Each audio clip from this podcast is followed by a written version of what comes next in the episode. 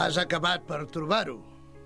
No entenc gaire de què va, però em sembla que vostè no hauria de recórrer a excitants sexuals d'aquests que, segons diuen, són tan dolents per la salut. Jo, pel que m'hi respecta, no en tinc cap necessitat, jo. És en Picó que ho necessita, però no ho repeteixis als altres. Secret professional. És ell que ho va trobar a la terra de ningú. S'hi troba de tot, és fantàstic. Quan tu vas tenir aquest acudit de fer venir les dones, en Picó no estava gaire tranquil. Pensa, doctoràs, que amb la meva dona em porto més de 20 anys i que em fa un i mig que no practico. Estic desentrenat. Tenia por de fer el ridícul. Aquesta gent del terç no saps mai per on et sortiran. Per un cas així, un cas en què podríem dir que t'hi va l'honor, no hi ha res com el polieròticol. Catalunya Ràdio presenta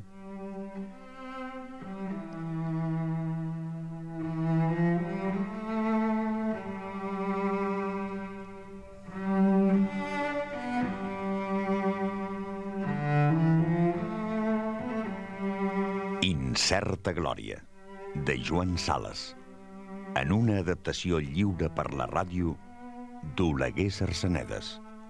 Muntatge Ramon Albero. Direcció Juan Germán Schroeder.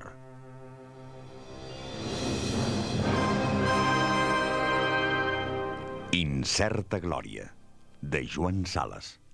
Una producció de Catalunya Ràdio amb el suport del Departament de Cultura de la Generalitat de Catalunya. Extra, 15 artistes catalans al Palau Robert de Barcelona. Sergi Aguilar, Jordi Benito, Josep Manuel Broto, Tom Carr, Pep Duran Esteve, Gabriel, Francesc Llopis, Víctor Mira, Pere Noguera, Carles Pazos, Pere Jaume, Jaume Plensa, Riera i Aragó, Susanna Solano i Josep Uclés. Extra, 15 propostes artístiques d'intervenció en un espai. Palau Robert de Barcelona, del 22 d'abril al 24 de maig. Organitzat pel Departament de Cultura de la Generalitat de Catalunya amb el suport de Catalunya Ràdio. Catalunya. Endavant amb la cultura. Capítol 44. Santa Llúcia.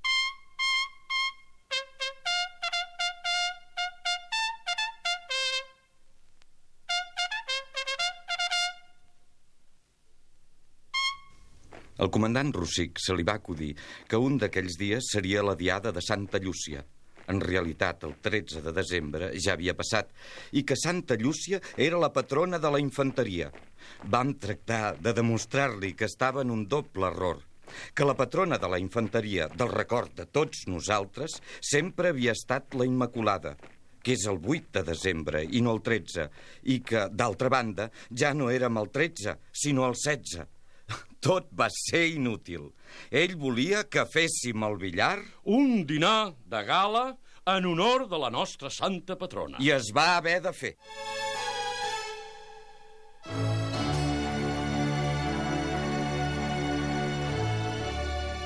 A més dels sis comensals ordinaris de la rectoria, hi van ser invitats el capità Picó i en Lluís amb les seves dones i en Ramonet.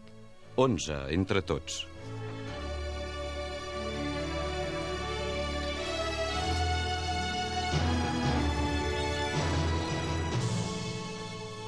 Per aquest dinar de gala s'havia parat una gran taula amb tovalles de fil portades de la terra de ningú. I fet i fet, tot plegat, feia una certa patxoca. Per fer-ho d'acord amb totes les regles, a taula havien separat els matrimonis. El dinar va començar molt bé. El comandant li deia a la senyora Puig A desgrat de tot, senyora, no som pas tan mal educats com volen fer creure els feixistes. Entenguem-nos. Els feixistes tindrien tota la raó del món si només es referissin a d'altres brigades que no són aquesta. El doctor Puig li murmurava a la senyora Picó. Abans de la guerra, jo em feia il·lustrar les sabates cada dissabte, el que és ara... Eh... En Picó explicava històries a la senyora Rossic. El comandant, inclinant-se cap a la doctora, insistia. Indiscutiblement, la nostra brigada té un to. Vostè sent aquestes històries que el capità de la metralla està explicant a la meva dona? Res que no pogués escoltar una filla de Maria. Som formidablement ben educats en aquesta brigada. La senyora Puig tenia en Lluís a l'altre costat i és amb ell que s'esforçava a lligar conversa, però en Lluís estava més aviat taciturn. Van servir vi blanc. El comandant, sempre dirigint-se a ella, va excusar-se. Com que no tenim peix, hem de beure vi blanc darrere la perdiu. Vostè ja ens excusarà, senyora, donades les circumstàncies. La Trini apenes prenia part en la conversa general. L'havien posada al meu costat i jo la notava quasi absent. Pel seu aire distret i pel silenci d'en Lluís, jo creia endevinar que havien tingut alguna disputa. El comandant, en aquell moment, es va creure en el cas de fer el primer brindis. A la salut de la nostra delicada brigada! Aquell vi blanc era lleuger en aparença, però pujava al cap. Se'n començaven a notar els efectes en el metge, que ja se n'havia servit tres grans vasos i ara s'alçava per brindar amb el quart. A la salut del meu sogre! No pot fer un esternut sense que li caiguin duros de les butxaques. Suposo, estimat, que no et proposes fer-nos riure a costa del papà. El seu papà és el meu sogre, vostè ja em comprèn. El que no sé, senyora Picó, és si vostè ha sentit parlar del que va fer la Tamendi en els seus temps d'estudiant, quan aquell que ell volia per sogre li va donar carbassa. La Tamendi ja s'ho esperava. Era un estudiant dels més famèlics, mentre aquell senyor, tan refractari a convertir-se en el seu sogre, estava tan podrit de duros com el meu. Però la Tamendi era un home previngut. No es mamava pas el dit, el gran Latamendi. L'assistent Guenyo arribava en aquest punt de la història amb el cibet de llebre. Després del cibet ens van servir el vi negre i el comandant s'excusà altra vegada. Hauria calgut xampany, però jo li prego, senyora Puig, que faci un esforç d'imaginació. Amb imaginació, aquest vi negre pot semblar xampany. Quin xampany prefereix? Veuve Clicquot? Res no ens priva d'imaginar-nos que bevem Veuve Clicquot. I es va creure obligat, ja que havíem arribat al xampany, a fer un altre brindis. Aquí no hi ha altra Veuve que la Veuve Clicquot. Que per molts anys sigui!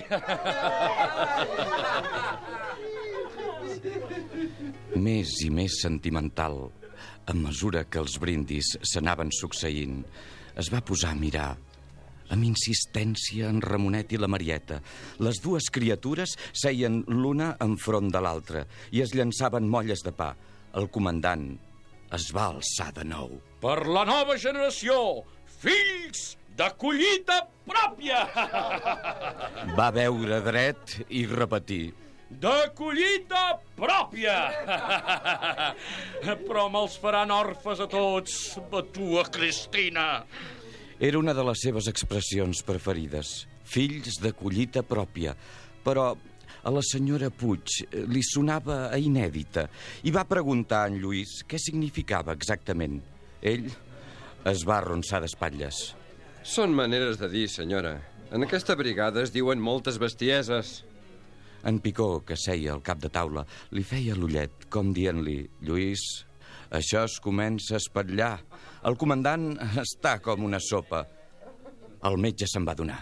Ciutadans, serenitat. Ja ha passat el perill. Era una falsa alarma. Vet aquí que el Guenyo, un dels herois més gloriosos de l'exèrcit de Catalunya, ja ens porta el cafè. Res de Malta, ciutadans. Us asseguro que és cafè autèntic. Trobat a la terra de ningú! A la terra de ningú es troben uns lingots fantàstics de cafè, unes mines de cafè inexauribles. Senyora Puig, ens haurà d'excusar una vegada més. Eh, no és ben bé moca, és cafè de Guinea, sap? Cafè feixista. No és de cap manera el cafè que vostè mereixeria. Mm, és un cafè excel·lent. Un cafè com des dels principis de la guerra ja no se'n troba ni en somnis a Barcelona. La doctora se'n va servir una altra tassa, Uh, també jo em prendré una altra. però en comptes de cafè, el seu marit es va abocar a la tassa un raig de vi negre. Suposo, estimat, que no prendràs vi negre després del cafè. Com que no és moca, I dirigint-se a la senyora Picó, va afegir... el gran Latamendi tenia cada acudit. Eh, Diguin el que vulguin, Latamendi era un personatge. Quan va anar a demanar la mà de la noia... Estimat, no era pas de la Tamendi que estàvem parlant ara. Però si el seu marit, senyora, ens vol explicar una amígdala... Què ho vol dir? Una anècdota. Un amic de la, precisament. És d'això que volia parlar, de les amígdales del gran Latamendi. Latamendi tenia unes amígdales com un toro. No dius més que bestieses, estimat. Sí, com un toro. Aquesta frase tan bèstia havia de fer fortuna i des d'aleshores a la brigada es va parlar molt d'amígdales.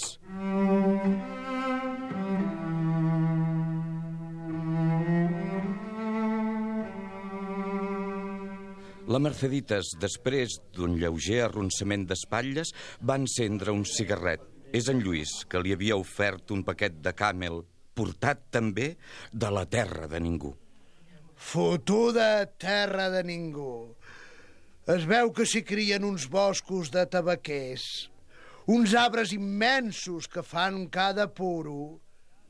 En tot això hi ha alguna cosa caput.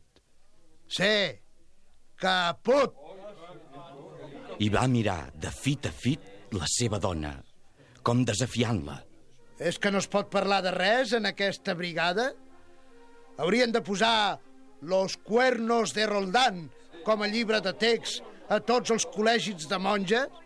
A veure si ens sortiríem que no hi hagués al món tantes bledes assolellades. Quin gran llibre, Los cuernos de Roldán. A la tercera pàgina ja han fet cornut el protagonista. Aquests són els llibres que m'agraden a mi, que no et fan perdre el temps amb descripcions de paisatges. I quan s'arriba al capítol 6, titulat Duda atroz, l'embolic ja s'ha fet tan inenarrable que el pobre Roldán exclama No me cabe duda, voto a Júpiter, me he cornificado a mi mismo. Perquè ha de saber, senyora Picó, que la dona que ell creia la de l'altra resulta la seva. Drames de família molt llargs d'explicar. El desventurat Roldán s'havia casat per poder, saps? Sense haver vist mai la xicota amb qui es casava. Ignorava que era una xicota espaterrant, d'aquelles que fan caure d'esquena.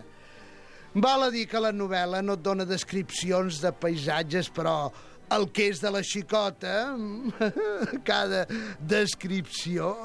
eh, Sobretot hi ha un capítol que la xicota s'està vestint literatura de la bona. No es descuida cap detall. Ara, com a dramàtic, el capítol 11, aquell que es titula Lobos con lobos se muerden.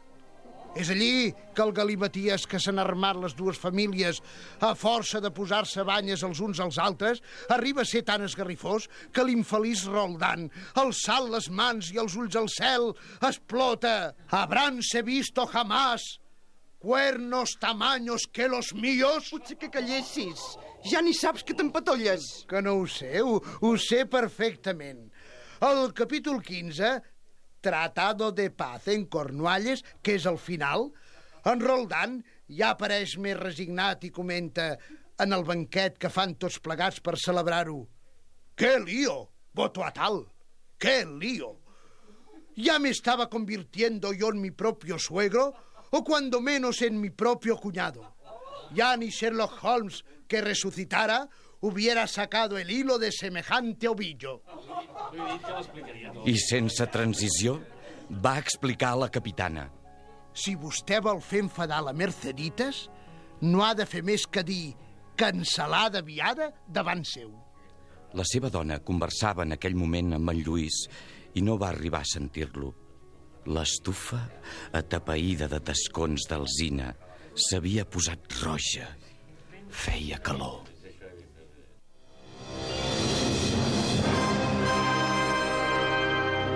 Heu escoltat el capítol 44 d'Incerta Glòria, de Joan Sales, amb les veus de... Cruells, Enric Major. Rossic, Ramon Teixidor. Doctor Puig, Enric Casamitjana. Senyora Puig, Maria Jesús Andany. Lluís, Gal Soler. Senyora Picó, Anna Frigola.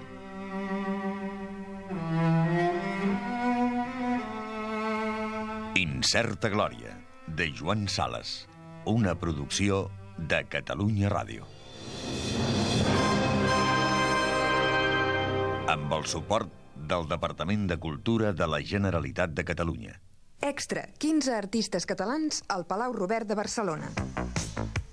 Sergi Aguilar, Jordi Benito, Josep Manuel Broto, Tom Carr, Pep Duran Esteve, Gabriel, Francesc Llopis, Víctor Mira, Pere Noguera, Carles Pazos, Pere Jaume, Jaume Plensa, Riera i Aragó, Susanna Solano i Josep Uclés. Extra, 15 propostes artístiques d'intervenció en un espai. Palau Robert de Barcelona, del 22 d'abril al 24 de maig. Organitzat pel Departament de Cultura de la Generalitat de Catalunya amb el suport de Catalunya Ràdio. Catalunya. Endavant amb la cultura.